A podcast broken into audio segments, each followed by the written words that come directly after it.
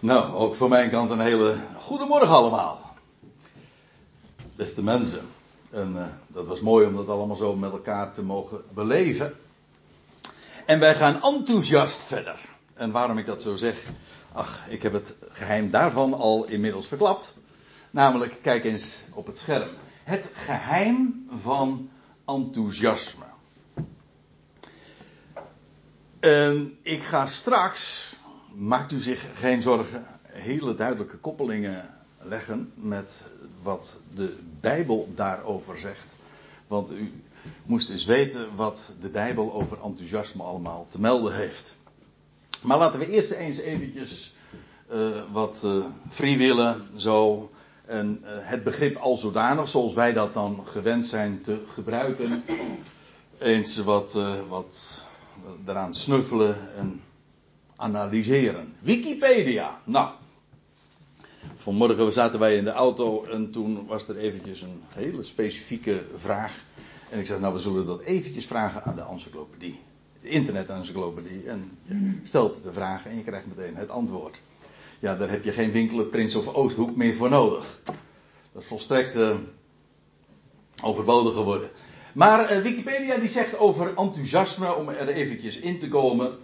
Uh, het volgende. Oh, die vlaggen die zijn nog wel erg leuk. Maar... Zo, kan ik wat enthousiaster vertellen. Enthousiasme is een gemoedstoestand waarbij men zich levendig en uitgelaten gedraagt en een grote geestdrift en motivatie voor iets of iemand vertoont. Aha, dat, uh, dat wisten we eigenlijk wel. Op zich is dit geen verrassing, want zo gebruiken we dat woord. Ik bedoel, het is een, eh, weliswaar een Grieks woord, want dat zal ik u straks ook laten zien.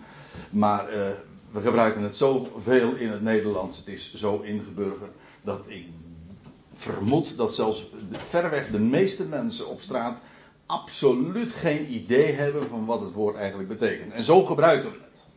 Als een, uh, als een gemoedstoestand, levendig, uitgelaten, geestdrift, motivatie. ja, enkele facetten van enthousiasme, want dat is, is het scherm zo groot. en dan moet, moet, je precies weer de rand opzoeken. Ja, lijkt wel puber zeg. Hij moet iets hoger. Nou ja, maakt niet uit. Uh, enkele facetten van enthousiasme. Nou, laat ik eens wat, wat, wat synoniemen noemen. Woorden die daar min of meer mee overeenkomen en die daar erg sterk aan gekoppeld zijn. Of woorden die we ter vervanging daarvoor ook gebruiken. Geestdrift, dat woord kwamen we zojuist al even tegen. Of bruisen. En dat plaatje wat je op de eerste dia zag van een, een glazen champagne. Ja, dat, dat geeft dat alweer. Dat bruisende, dat die kracht die van binnenin zit en die, als je de kurk eraf haalt, eruit komt. Wel, dat is eigenlijk wat geestdrift ook is. Het moet naar buiten. Het komt van binnenuit, maar het gaat met kracht naar buiten. Dat is wat enthousiasme ook aanduidt. Je hebt cola, maar je hebt. Als, als cola doodgeslagen is, ja, dan is het zonder prik, dan bruist het niet meer. Ja, dan is om de beeldspraak eventjes vol te houden, uh, het enthousiasme weg. Inspiratie, wat trouwens ook een Grieks woord is, spirit, geest. Je wordt geïnspireerd, de geest eh, zit erin en gaat eruit. Vervuld zijn van, iemand die enthousiast is, is ergens vol van. En wat gebeurt er als je ergens vol van bent? Als het hart ergens vol van is, ja, dan loopt de mond ervan over. Het valt niet mee om dat dan voor je te houden. Elan is ook zo'n woord wat we daaraan koppelen. Of vuur. En ja, als ik zeg vuur, dan komt er nog iets anders uh, bij kijken. Namelijk dat het, we bij enthousiasme inderdaad altijd aan iets denken wat aanstekelijk is. Aanstekelijke passie. Dat is trouwens ook een Grieks woord. Uh, en dat niet, uh, hartstocht is, liefde is, maar het steekt ook anderen aan. Iemand die enthousiast over is. Ik heb het uh, wel meegemaakt dat er uh, onderwerpen zijn die mij persoonlijk volstrekt niks zeggen, om, om maar wat te noemen, postzegels verzamelen. Ik kan me niet voorstellen dat je daar enthousiast over bent, dat is mijn gebrek hoor, want ik wil niemand beledigen als hier iemand toevallig een filatelist is. Want zo heet dat, hè.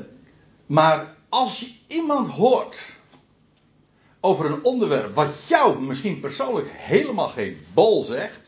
En dat wordt met enthousiasme verteld, dan werkt dat aanstekelijk. Dan zou je zowaar nog op het idee komen van, hé, ik ga ook uh, postzegels verzamelen. Zover is het dan nog niet gekomen. Maar u weet wat, ik begrijp wat ik bedoel. Trouwens, dat is ook, uh, denk ik, wat, wat er gebeurt als er vakken zijn op school. Hoe komt het vaak dat leerlingen of studenten voor iets kiezen?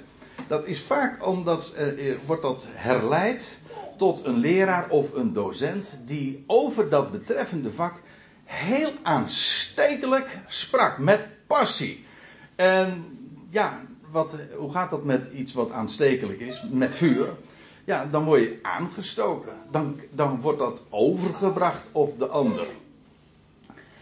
En ja, iets wat ik ook eigenlijk koppel aan dat begrip enthousiasme. Het, is het, het maakt precies het verschil tussen middelmatigheid en voortreffelijkheid, uitnemendheid. Je kunt iets doen, gewoon zonder enthousiasme. Oké, dat je kan je werk doen en dat geldt voor alle activiteiten in het leven eigenlijk. Je kunt het gewoon doen. Ja, nou dat is de middelmatigheid. Maar wat nu echt het verschil maakt en waar het op aankomt, is het enthousiasme. En dat maakt iets werkelijk voortreffelijk. En ik ben er ook van overtuigd dat in elke taak die je in het leven hebt, of in alles wat je doet, dan word je voortreffelijk juist door enthousiasme. Iemand die kookt, dat is één ding, doe ik zelf niet. Maar iemand die, uh, ja ik bedoel niet van woede of zo, dat kan ook nog. Nee, maar ik bedoel eh, in de keuken staat. Hè. Uh, weet je waarbij je moet gaan eten bij iemand die met enthousiasme kookt? Want geheid, zo iemand is daarin beter. Alles wat je met enthousiasme doet, ja, dat, daar, leg je je, daar geef je je tijd aan, daar, geef je, daar heb je passie voor. Niets is je daarvoor te veel. En vandaar ook dat je dat doet uitmunten in iets. Een, een, een, chauffeur met passie en met enthousiasme is een betere chauffeur dan een, een, chauffeur zonder passie. En dat geldt voor elke taak, maar ook elke positie in het leven. Een vader of moeder of een kind, of nou ja, in welke positie je ook geplaatst bent, werknemer, werkgever, met enthousiasme is gewoon in alle opzichten beter. Dus enthousiasme is maar niet zomaar een dingetje van, nou ja, het is leuk als het erbij zit. Nee, eigenlijk dat maakt uh, het verschil. Dat geeft ook de dingen inhoud. Nou, dat zijn zo wat gedachten die ik daar los over uh, doorgeef. Om eventjes, uh, om het even wat scherper te krijgen. Nou gaan we wat dieper. Het woord enthousiasme. Ik zei al, dat verklapte ik alvast. Het is een Grieks woord. En het is onder te verdelen in, in tweeën. Dat was even dat laatste, laatste uh, dan even weggelaten. Maar, en dat is uh, an en enthousiasme. En dat is afgeleid van twee Griekse woorden. Namelijk an en, of en en theos. En en en, ja, of en dat is een Grieks voorzetsel. En dat betekent hetzelfde als ons voorzetsel in. We hebben talloze woorden die ook beginnen in het, in het Nederlands met en. Maar dat komt uit het Grieks en betekent gewoon in. Dus. En dat theos, ja, dat kennen we allemaal wel, want dat gebruiken we ook. Theologie, theosofie, nou ja, allemaal dat soort begrippen. Theo, theos, dat is het woord, het Griekse woord voor God. Zodat enthousiasme dus letterlijk, en je kunt dit ook allemaal trouwens in datzelfde Wikipedia waar ik zojuist naar verwees, ook terugvinden. Enthousiasme betekent dus van origine in God zijn of in de Godheid zijn. En het wordt ook in verband gebracht trouwens met de Griekse mythologie, maar dat laat ik er even buiten. Het gaat me even puur om de woordbetekenis en de herleiding. Enthousiasme betekent dus uh, inderdaad in God zijn. Nou gaan we nog een steek dieper, want het woord theos, God, vind ik eigenlijk nog even te vaag. Oké, dan denken we aan een opperwezen, de godheid, dat kan op allerlei manieren nog weer ingevuld worden. Maar dat wordt het ook. Uh, mensen denken aan, aan iemand of aan iets, aan iets vaags. Maar laten we het eens even wat, wat scherper nog stellen. Want dat Griekse woord theos is weer afgeleid van een werkwoord. En dat werkwoord is plaatsen of stellen of schikken, iets neerzetten. Dat in de zin dus van plaatsen. En dat maakt het woordje theos weer zo enorm bijzonder. En het geeft het ook zoveel meer precisie en betekenis. God is maar niet zomaar een opperwezen, whatever that may be. Nee, het is plaats. Iemand die plaatst. Iemand die de dingen neerzet. Uh, Theos is dus de plaatsen. Dat wordt, die, die, die twee laatste letter os, dat wil zeggen dat het een is mannelijk en dat wil zeggen iemand die dat doet. Dus een plaatser. En in, in het Grieks heb je dat heel vaak en dat zien we in het Nieuwe Testament ook. Ik ga straks ook daar voorbeelden van geven. Meestal is het zo dat een zelfstandig naamwoord voorafgegaan wordt door een lidwoord, bepaald lidwoord. En dan is het ho theos. En dat betekent de plaatser. En dat maakt het nog weer uh, zoveel anders. Want het hele Bijbelse idee is dat er maar, ja oké, er zijn godenplaatsers. In feite is dat een wat algemeen begrip. Uh, een, in ook in de Bijbel is dat zo. Uh, in het Hebreeuwse uh, bijvoorbeeld rechters, koningen worden soms ook bij gelegenheid goden genoemd. En in de lagere zin van het woord is dat ook zo. Want dat zijn ook mensen die in een positie verkeren die dingen kunnen schikken, beschikken en neerzetten, plaatsen. Een plek geven. Maar uiteindelijk, en dat is de Bijbelse gedachte, Paulus zegt in 1 Korinthe 8, ja natuurlijk, oké, er zijn goden in menigte, dat mag allemaal waar zijn. Voor ons nogthans is er maar één God, de, de Vader. Uit wie alle dingen zijn en uit wie wij zijn. De God, dus de ene God, en dat, nou zijn we waar we wezen moeten. Als we het hebben over God, dan hebben we het over degene die alles, want als er maar één God is, ja, dat betekent dus dat er maar één is die alles een plaats toewijst. Als iets plaats vindt, hoe komt het dat het plaats vindt? Wel, omdat het een plaats heeft gekregen door de plaatser. Hij is de beschikker. En dat is wat God God maakt. En dat is een geweldige, indrukwekkende ja, ja, concept. Dat klinkt mij te theoretisch. Een waarheid. Want ik zal u laten zien hoe enorm groot de impact is van deze wetenschap. Hij die alles beschikt en een plek, plaats toewijst in ruimte, maar ook in tijd. Ik ga om te beginnen u eens meenemen naar Handelingen 17. En daar is Paulus in Athene. De plek bij uitstek. Nu nog steeds. Trouwens heeft het in ieder geval die reputatie als de plaats van wijsheid. Van Sophie. Hè? Sophia. En Paulus is daar. En daar bevindt hij zich trouwens ook in een filosofische omgeving van Epicureërs en Stoïcijnen. Die scholen worden daar allemaal ook bij name genoemd. En dan op een gegeven ogenblik dan lees je dat Paulus daar op de markt is. En dan wordt hij geroepen en dan mag hij, dan wordt hij gevraagd om eens zijn verhaal te doen. Nou, dat, uh, dat hoeft hij Paulus maar één keer te vragen. Dat deed hij ook. En hij ging daar op de Areopagus een geweldige toespraak houden. En we hebben het verslag daarvan in Handelingen 17. En wat hij doet daar in dat publiek, is niet één keer verwijzen naar de schrift, letterlijk. Had ook geen zin. Kijk, als hij in de synagoge was, dan kon hij gewoon wijzen op hun eigen Bijbel. Maar hij was daar in een filosofisch publiek die helemaal geen enkele relatie had met de Bijbel. Zij hadden goden, een, een totaal andere denkwereld. En Paulus, heel gepast, vertelt wat hij te melden heeft. Daar in dat publiek. En wat hij eerst doet, is spreken over God. De God. Ja, want het, ik zal je nog even één ding vertellen over de aanleiding. Want hij, uh, zoals Paulus dan begint, was een mooie binnenkomen. Want hij had daar namelijk ooit, uh, in Athene was hij geprikkeld doordat hij vele uh, beelden van God had gezien. Vele godsbeelden, afgodsbeelden. En ja, met dat pantheon, dat was enorm uitgebreid. Ik bedoel, de Grieken kenden vele goden, godheden die zij vereerden. En op een gegeven ogenblik was Paulus tegen een lege sokkel aangelopen. Heel, uh, het waren allemaal beelden en dat, komt in onze vertalingen niet zo uit de verf, maar er staat er dat hij, uh, er staat er niet dat hij een altaar zag, maar dat hij een lege sokkel zag. Hij zag een voetstuk en daaronder de inscriptie aan de onbekende God. Ja, en dan zie je ook meteen waarom het een, begrijp je meteen waarom het een lege sokkel was, want een onbekende God, ja, die kun je niet uitbeelden.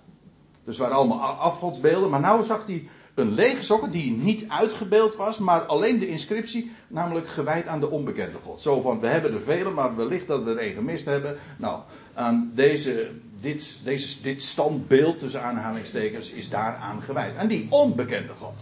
Nou, zegt hij, aha, ik kom jullie vertellen van die onbekende God. Die God die jullie niet kennen, die ken ik wel. En, en wat blijkt, dat die onbekende God de God is. De echte.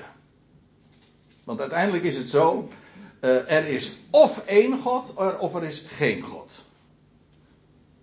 Ik bedoel dit, uh, op het moment dat er meerdere zijn die de dingen plaatsen, beschikken, ja, dan is er conflict. Maar dat betekent dus, uh, dan ben je geen God meer, want dan, dan heb je maar een hele beperkte uh, impact, een heel beperkte macht. Als er één God is, ja, dan bepaalt hij alles. Dan beschikt hij alles. Nou, die God, die God, die predikte Paulus daar in Athene. En ik neem je dus mee. En dan staat er, in vers 24 was daar gesproken over de God, de God die de wereld maakte.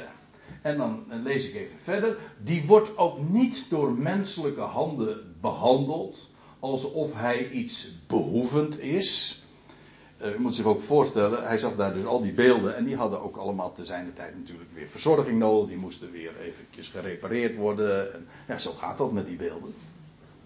En hij zegt, nou, die God die ik, uh, waar ik jullie over vertel, de jullie onbekende God, die heeft dat niet nodig. Die heeft geen behandeling nodig. Geen, dus eigenlijk staat er het woordje therapie hier.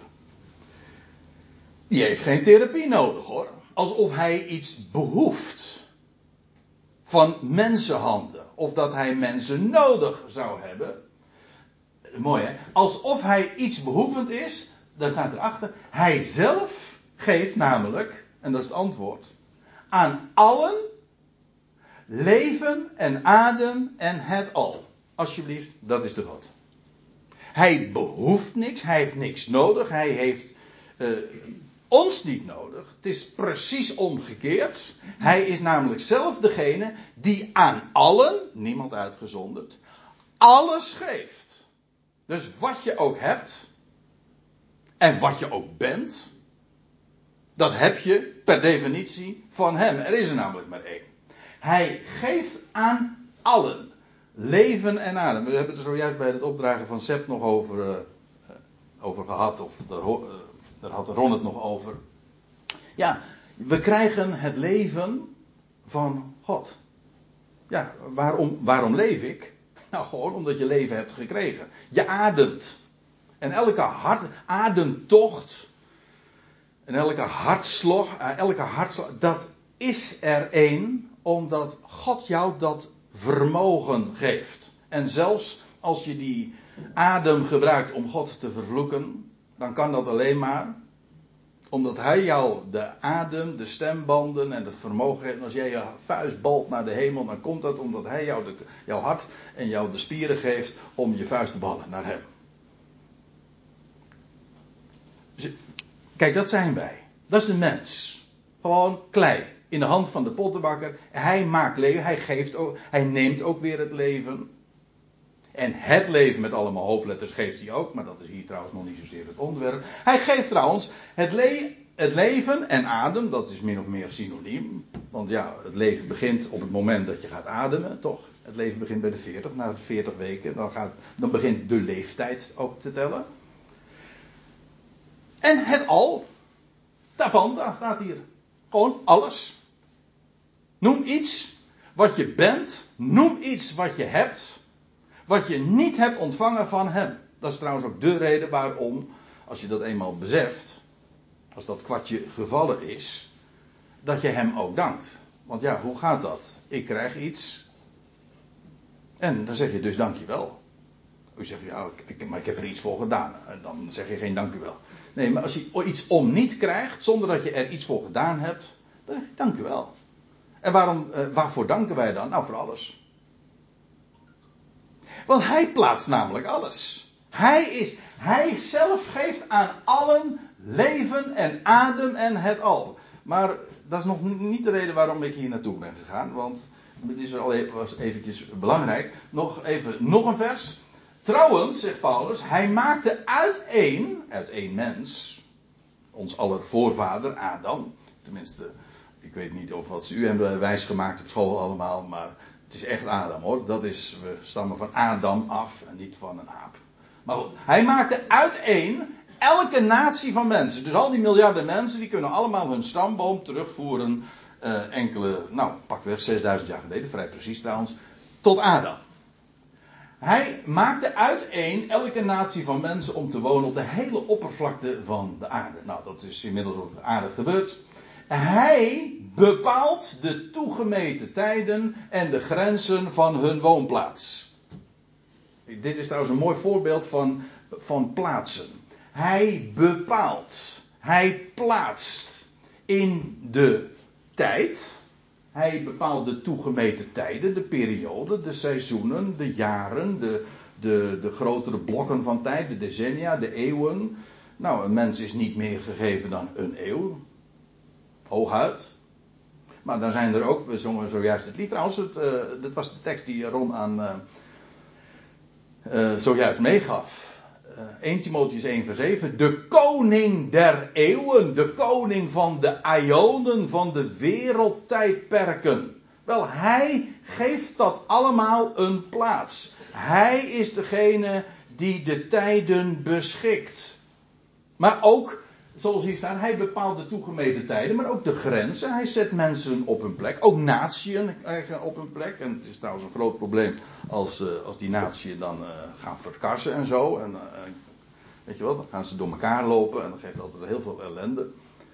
Maar goed, we zullen het daar verder niet over dat soort Haagse dingen hebben. Maar u begrijpt, God plaatst ook volkeren, natieën. Maar ook, laten we het eventjes dan nog wat kleiner nemen. Gewoon in mijn persoonlijk leven. Uh, op, het, uh, op microniveau, zeg maar. Ja, hoe komt het dat de dingen zijn zoals. Nou, hij plaatst de dingen. En dat wil helemaal niet zeggen dat alles naar zijn wil is. Er gebeurt zoveel. Ik, ik denk wel eens een keer, het, het meeste wat gebeurt, dat is niet naar zijn wil. Maar hij geeft het wel een plek. Als, namelijk, als hij het geen plek zou geven, als hij het niet, geen plaats zou geven, zou het namelijk niet plaatsvinden. Goed en kwaad heeft allemaal een, uh, komt uit zijn hand voort. Goed en kwaad staat er ook in Jezaja. Ik, ik ben het, zegt God dan, heel triomfantelijk. Die het goede waak en die ook het kwade schept. Ik, de Heer, doe al deze dingen, licht en duisternis. Dat is een geweldige gedachte. En het zegt van, maar God is toch alleen maar goed? God is toch de goede God? En hoezo heeft hij dan iets met kwaad? Jawel, maar ook het kwaad heeft hij in zijn hand en dat weet hij ten goede te keren. Als er kwaad is, en er is kwaad genoeg, ik bedoel, uh, noem al het min, het negatieve, lijden, moeite, tranen, uh, ziekte, dood, etc. Dat is allemaal kwaad. Ja. Maar ik zal u dit vertellen. God is degene die ook dat kwaad beschikt. En sterker nog, als het niet noodzakelijk zou zijn, zou hij het geen eens een plaats geven. De, dat zei ooit Seb. Jozef. Die zegt aan het einde van het boek eh, van Genesis, dat, eh, dat Jozef, die zegt dan aan het, eh, tegen zijn broers, van ja, jullie hebben wel kwaad gedacht, maar God heeft het, alle, God heeft het ten goede gedacht. Dat wil zeggen, zij brachten hem, uh, zij verkochten hem en hij kwam in de gevangenis terecht en ze wilden eigenlijk van hem af. Ja. En, God, en, en Jozef zegt dan, die, die bekijkt het vanuit het goddelijk perspectief. Hij zegt, maar God heeft het een plek gegeven. Hij zegt, want God, jullie dachten uh, van mij af te wezen op deze manier. Maar God heeft het ten goede gekeerd. Hij heeft de min een van de min een plus gemaakt. Hoe deed hij dat? Want hij zegt, juist door mij naar Egypte te sturen, heeft hij jullie in leven gehouden.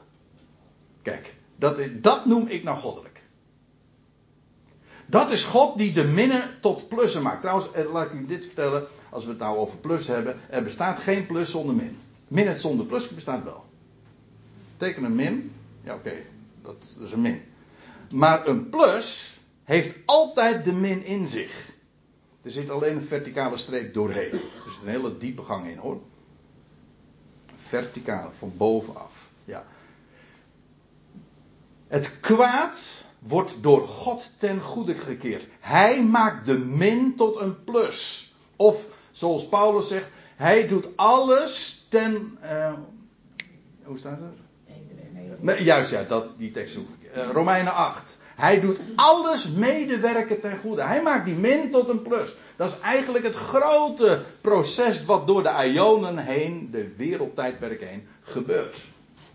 Geweldig. Kijk, dat is nou de God. Bij wie niets te vergeefs gebeurt. En die alles bepaalt en toemeet en de grenzen beschikt. En dan staat erachter, uh, om de God te zoeken. Ja, waarom doet hij dat? Nou, opdat, uh, om, opdat de mensen God zouden zoeken of zij hem al tastende zouden mogen vinden. En dan zegt Paulus, het klinkt een beetje ironisch haast. Hoewel hij niet, zeker niet ver weg is van een ieder van ons. Dus eigenlijk wat, wat Paulus zegt is dat het feit dat God dat zo doet, dat is opdat de mens naar God zou zoeken. Trouwens, elk mens heeft ook een, een ja, dat is een ingeboren ding. Een inges, ingeschapen godsbesef. Niet alleen maar, wij herkennen in, ja, wij hebben het vermogen, we hebben intelligentie gekregen van God. En weet je wat het mooie van intelligentie is? Je herkent intelligentie. Een dier niet. Een dier ziet niet een, eh, een mobieltje of een, uh, of een schilderij en zegt oh wat knap zeg. Nee, je herkent dat niet. Maar als je intelligent is, wauw, knap zeg hoe dat bedacht is en gemaakt is. En wij zien in alles intelligentie. Ja. En dan weet je dus, het is gemaakt. Er, daar, zit, daar is over nagedacht. Er is een designer. Het is niet zomaar ontstaan. Nee, er is, daar komt intelligentie bij kijken. Kijk, wij, kennen, wij weten van de schepper en we, en we hebben. We kunnen eigenlijk ook niet zonder. Een mens kan niet leven zonder het besef dat de dingen geplaatst worden. Moet je je voorstellen, geen mens kan echt, als het erop aankomt, leven met de gedachte dat het allemaal zinloos is. Als, als, je, als mijn bestaan volstrekt zinloos is, dan heeft het dus ook geen zin om verder te leven. Als er geen doel is, als er niemand is die mij bedacht heeft en gemaakt heeft, die een plan heeft, ja, dan is een bestaan dus zinloos. Dat is trouwens ook de officiële filosofie, het heeft allemaal geen betekenis. Dan zeggen ze ook van, nou het leven heeft geen zin, je moet er zin, je moet er zin in hebben. Maar juist dat maakt dat ik er geen zin in heb. Nou ja, hoe je dat verder ook oplost, dat maakt me er niet uit. Het gaat erom, uh, ik, laat ik het niet negatief doen. Er is iemand die aan het begin staat, die alles gemaakt heeft. En de mens is erop aangelegd. Alleen daarmee kun je leven. Het kan niet zinloos zijn. Er moet een bedenker zijn, een ontwerper en die een plan heeft. Om de God te zoeken of ze hem al tastende zouden mogen vinden. Hoewel hij zeker niet ver weg is van ieder van ons. Hoezo, Paulus? Nou staat er, want in hem leven wij en bewegen wij en zijn wij. Kijk, daarom is God niet ver weg van ons. God zoeken, nou Paulus zegt, uh, hoezo zoeken? Hij is toch niet ver weg? Want in hem, dat wil zeggen in de God, en theo, nou dat is, dat is mijn Grieks dan, hè? Eigenlijk en theos en enthousiast, dat is in God. En wij zeggen dan en to theo, en to, nou ja. Dat wordt wel heel ingewikkeld. Maar we zijn in Hem, in God. Heel de schepping beweegt zich in God. In Hem leven wij, bewegen wij. En hoe was het? Staat er in het psalmist, al ging ik naar de hemel, al ging ik naar de maan of al ga ik naar, naar Mars toe. Wat je ook maar bedenkt. Dacht je nou werkelijk dat je God kunt ontlopen? Steeg ik ten hemel, zegt de psalmist, u bent daar. En maakte ik het dodenrijk tot mijn sponde, tot mijn rustplaats, u bent er ook. Want uw hand zal mij geleiden. Je komt van God nooit af. Waarom niet? Wel, hij is onze leefomgeving. Je, je, je bent er dankzij hem. En in hem leven wij. En je ontkomt nooit aan hem. In hem leven wij. Waarom? Kijk, en dat is ook wat enthousiasme is. In God zijn. In de Godheid zijn. Dat kijk, in feite is het zo. Wat hier staat. In hem leven wij en bewegen wij en zijn wij. Dus we zijn allemaal enthousiast. We zijn allemaal in God. Maar wat Paulus nou eigenlijk aan die Atheners vertelt. Ja, jullie zijn het wel, jullie weten nog niet. Ja, aan de onbekende God. Die God is er wel. Sterker nog, daar zijn jullie in. En als jullie eh, je voortbewegen of waar je ook naartoe gaat, dan ben je altijd in Hem, per definitie. Dus wij zijn allemaal in God. Alleen, je weet het niet. Of je weet het wel en je kent het niet. Of je weet het wel, maar je wil het niet weten. Dat is ongeveer hetzelfde. Maar als je het eenmaal weet en beseft, dan geeft dat zo'n enorme glans aan het bestaan. Weet je waarom? Nou, de God, dat is degene die de wereld gewoon en alles wat daarin is, maakte. En daaraan vooraf ging natuurlijk al dat hij het bedacht heeft, een plan had. Hij, hij had een plan, had een, en hij heeft een ontwerp en hij heeft het gemaakt. Dat is de wereld. Hij is de maker. En hij geeft aan alle leven en adem en alles. En hij bepaalt de tijden en grenzen. Wel, in hem, degene die dat allemaal maakte en die alles geeft en die alles bepaalt, die alles beschikt, in hem leven wij. Er is iemand die ons bedacht heeft, gemaakt heeft, die de dingen beschikt. En buiten wie wij op, buiten wie uh, uh, hem om, er niets is en kan zijn. Maar dat betekent dat God overal, Hij overal bij betrokken is. Nou, een geweldige waarheid. Want dat betekent namelijk dat mijn leven zin heeft en inhoud heeft. En dat er iemand is die om mij geeft. Maar nog, er zijn nog meer dingen. Ik zal u wat vertellen over, daarover. Ik neem u naar nog een drietal schriftplaatsen. Nee, ja, drie schriftplaatsen nog meer naartoe. Eerst even naar Romeinen 5. Dat zijn allemaal schriftplaatsen waar allemaal gesproken wordt van in de God. En om te beginnen, Romeinen 5, vers 11. Daar staat. En ja, de wijze waarop ik het nu aanpak, dat maakt natuurlijk sowieso dat ik iedere keer zomaar midden in een vers of midden in een betoog terechtkom. Oké, dat, dat zij dan zo. Uh, en Paulus zegt hier, terwijl hij daar uh, over, over allerlei dingen spreekt, en dan zegt hij, maar dat niet alleen, wij roemen ook in God. En ik heb expres eventjes de vergrootglas erbij gelegd, daar staat hier ook gewoon dat woordje in de God. Al in de God, dat was eigenlijk dus, om even in de term te blijven, enthousiast in de God en Theo. Wij roemen ook in God door onze Heer, namelijk Jezus Christus, door wie wij nu de verzoening ontvangen, ontvingen. Mooi. Want weet je wat daarmee gezegd is? Dat God degene is die verzoent. Moet ik even uitleggen. Want in, vooral in het Nederlands is dat een beetje een lastig, complex begrip. Hoewel, we kennen het allemaal. Verzoenen, in de, zoals Paulus het gebruikt, hier en ook elders, is uh, in de zin zoals wij het in feite ook gebruiken. Namelijk als daar conflict, sprake is van conflict, uh, dan, dan zijn er twee strijdende partijen of twee partijen die van elkaar vervreemd zijn geraakt. En dan uh, verzoening is dat die twee partijen, dat daar weer vrede komt. En dat ze liefhebbers van elkaar worden. Dat is eigenlijk wat verzoenen is. Nou, nou zegt Paulus hier. God is het die verzond. Kijk, de wereld is eigenlijk van God vervreemd. Of zelfs vijandig gezind. Men wil niks van God weten. En men redeneert hem weg. In ieder geval is men vervreemd van God. Men, uh,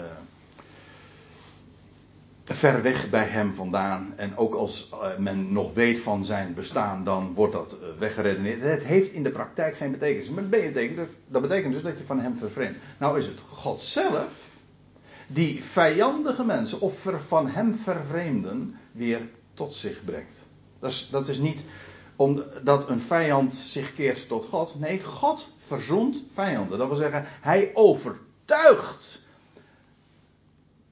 de vervreemde partij van zijn liefde en maakt zelf dat die vijand of vervreemde een liefhebber van hem wordt. Dat is wat verzoenen is. Een verzoenen wil zeggen, een vijand wordt een liefhebber. Hij maakt vijanden en vervreemden tot liefhebbers. Nou, Paulus zegt, wij zijn al zover. Paulus zegt ook in, in Romein, in Colossense 1, dat dat veel groter is. Sterker nog, heel alomvattend. Daar zegt Paulus dat God door het bloed van het kruis het al weder met zich verzond. Namelijk het zij wat in de hemel, het zij wat op de aarde is. Sorry mensen, ik kan het ook niet helpen. Het staat er zo en ik ben er verschrikkelijk blij mee. God verzond de wereld met zich. En het geweldige van gelovigen nu is dat zij nu al verzond zijn. En dat is geen werk van een mens, dat is werk van hem. Dat komt omdat hij mensen roept als eerstelingen, om een eersteling te zijn. Hij roept mensen en hij maakt hun harten ook week. En hij overtuigt ze van zijn liefde. Dat is geen mensenwerk, dat is geen keuze van ik heb voor Jezus gekozen. Nee, God roept jou en God heeft jou overtuigd. Hij heeft jou overtuigd. Dat is zijn werk. En zo wordt een vijand een liefhebber van hem. En dus, ja, waar, waar is de roem gelegen, in gelegen van, waarin kan ik zeggen van, nou dat heb ik gedaan, helemaal niks. Je bent de creatie. En als je verzond bent, dan komt dat omdat hij jou overtuigde van zijn liefde. Zodat je hem nu ook lief hebt. Wij roemen in God. Wij roemen enthousiast. Waarom roemen wij enthousiast? Wel omdat God de God is, de schepper is, degene is die aan alles een betekenis geeft, die alles geeft, sowieso, alles beschikt, maar ook nog eens alle vijanden tot vrienden maakt. En wij nu al. Wij mogen dat nu reeds zien. Dat is, dat is een eerste ding. Nou, zo'n God roemen wij. Enthousiast. Wij roemen in de God. Waarom? Door onze Heer Jezus Christus, want Hij is degene die de mens uh, eigenlijk ook uh, het instrument dat God gebruikt om de wereld te overtuigen van zijn liefde. Hoeveel houdt God van deze wereld? Kijk naar het kruis van Golgotha. Daar sloeg de wereld zijn zoon aan het kruis en God zegt: Door hem en door wat jullie doen, ga ik jullie het leven geven. Want drie dagen later stond hij op uit de doden en dat leven dat gaat hij geven aan, deze, aan de mensheid. Zijn liefde is niet kapot te krijgen. Daar waar de vijandschap van, het, van de mens en van de wereld het, duidelijkst bleek, daar bewees God zijn liefde. Dat is verzoening. Zo overtuigt hij ook van zijn liefde. 1 Thessalonica 2. Daar wordt ook gesproken over entotheo. In de God. En weer midden in het gedeelte. En dan zegt Paulus, ondanks dat wij tevoren leden en beledigd werden in Filippi. Hij gaat eventjes terug in de tijd. Hij schrijft zijn brief en hij vertelt, ja jullie weten wat er in Filippi gebeurde. Dat lag vlakbij Thessalonica, Saloniki. En de Ajaxiden die weten allemaal waar Saloniki ligt. Hè? Oh, er zitten weinig Ajaxiden hier geloof ik. Nee, die hebben van de week tegen Thessalonica gespeeld. Nou. En gewonnen, waarvan akte, ja. Oei. Maar goed, uh, dat was Filippi, lag vlak bij Thessalonica. Ja, dat. Ondanks dat wij tevoren leden en beledigd werden in, uh, in Filippi, zoals jullie hebben vernomen, dat wisten daarvan, spreken wij vrijmoedig in onze God. Of eigenlijk enthousiast dus, hè. Want dat is wat er staat. Spreken wij vrijmoedig in onze God, enthousiast, het goede bericht, het evangelie van God, onder veel strijd. Waarom? Wel, het is een geweldig goed bericht. Waarom spreekt Paulus daar uh, zo vrijmoedig over en enthousiast? Nou, de reden is heel simpel. Het is een goed bericht. Het is het beste bericht wat je maar kan bedenken. Er, er is een God. Er is één God. Hij maakte alles. Hij beschikt alles. Hij geeft alles. En hij plaatst alles. En hij maakt alle dingen wel. Onvoorwaardelijk. Dus er hangt geen prijskaartje en er wordt niet gevraagd van als jij dat goed vindt of als jij daar ook voor kiest. Nee, gewoon, het is een bericht. Het is een mededeling. En u weet hoe dat gaat met mededeling en bericht. Dat kun je geloven of je kunt niet geloven. Maar ook als je het niet gelooft, de waarheid wordt er niet minder om. Dus ik vertel gewoon, wat je ermee doet moet je zelf weten. Maar dit is het goede bericht van God. En Paulus zegt, ja, onder veel strijd, en we werden tevoren in Filippi beledigd en we hebben lijden ondervonden. Ook daarvan lezen we trouwens in, de, in Handelingen wat, wat het allemaal was. Hij werd gemarteld, hij kwam in de gevangenis terecht enzovoort. Maar ondanks dat, dat deed niets af van de vrijmoedigheid en het enthousiasme om van het goede bericht te vertellen. Want het goede bericht blijft een goed bericht, hoe het ook bestreden wordt en hoe het ook, hoe de boodschappers ook beledigd worden. want hoe was het ook alweer? Uh, dat, dat bericht, dat wordt dan de, de, de messenger, don't shoot the messenger, zeggen ze dan. Ja, maar het gebeurt wel. Het wordt de, de, de boodschapper kwalijk genomen. Dat is het. En Paulus zegt, ondanks dat alles, hij wij spreken enthousiast over deze dingen, want het is waar, het blijft waar, en wat men ook doet, maar dit is de geweldige waarheid. En of je het nou ziet of niet ziet, of erkent of erkent of niet, maakt niet uit. Dit is wat wij te vertellen hebben. Van onze God. Zo groot is onze God. En daar spreken wij over. Enthousiast, jazeker. Nou, nou neem ik u tenslotte nog mee naar 1 Johannes 4, waar in twee versen achtereenvolgend gesproken wordt over dat entotheo, in de God. En dat moet een beetje snel zijn, want ik zie dat de tijd uh, maar doortikt. Maar daar staat, zegt niet Paulus, in dit geval is het Johannes. Daar staat al wie beleidt dat Jezus de zoon van God is. Uh, de zoon van God, dat moet je heel letterlijk nemen. We hebben daar bij een andere gelegenheid, toen we het over Psalm 2 uh, eh, een maand of wat geleden uh, over, daarover nadachten. Toen heb, heb, ik daar wat meer over mogen vertellen. Dus ik wil het even kort houden. Jezus Christus is inderdaad de zoon van God in de meest letterlijke zin. Hij is door God namelijk zelf verwekt zonder tussenkomst van een man bij Maria. U zegt dat kan niet. Nee, bij mensen niet. Nee. Maar God zelf, die de seksualiteit bedacht heeft en zaadcellen en eicellen gemaakt, dacht u nou werkelijk dat hij niet in staat zou zijn om zonder tussenkomst van een man Maria zwanger te maken? Hij is de zoon van God. Zo werd het al tegen Mirjam ooit gezegd. Zonder tussenkomst van Seb, ja, Jozef, ja. Verwekt door God. En bovendien uit Maria, maar ook uit de doden. Dat is ook een bijzondere reden waarom hij de zoon van God is. Hij is verwekt, zo schrijft, schrijft de Bijbel daar ook over. Hij is verwekt, inderdaad, uit de doden. En daarom krachtig bewezen te zijn Gods zoon. Romeinen 1. Nou, die boodschap dat Jezus Christus is, de zoon van God, verwekt door God zelf uit de doden, de levensvorst, de overwinnaar op de dood. Ja, dat is evangelie. Nou, er staat: God blijft in hem en hij in God. Ento theo. In enthousiast. Ja, God blijft in hem en hij enthousiast. Ja, dat maakt enthousiast. Waarom? Wel, dat is, spreekt namelijk van een boodschap van de overwinning op de dood. De dood heeft nooit het laatste woord in de Bijbel. Nooit. Het leven heeft namelijk overwonnen. En dat leven is weggelegd. Ja, voor wie? Nou, voor wie niet? Ja, dat is de mededeling. En wie dat beleidt, ja, dat maar. Wie dat beleidt. Kijk, als je niet beleidt, dan word je daar niet enthousiast van. De waarheid wordt er niet minder van. Maar je wordt pas enthousiast op het moment dat je het inderdaad ook erkent en beleidt en er vooruit komt. En, en weet, dat is het.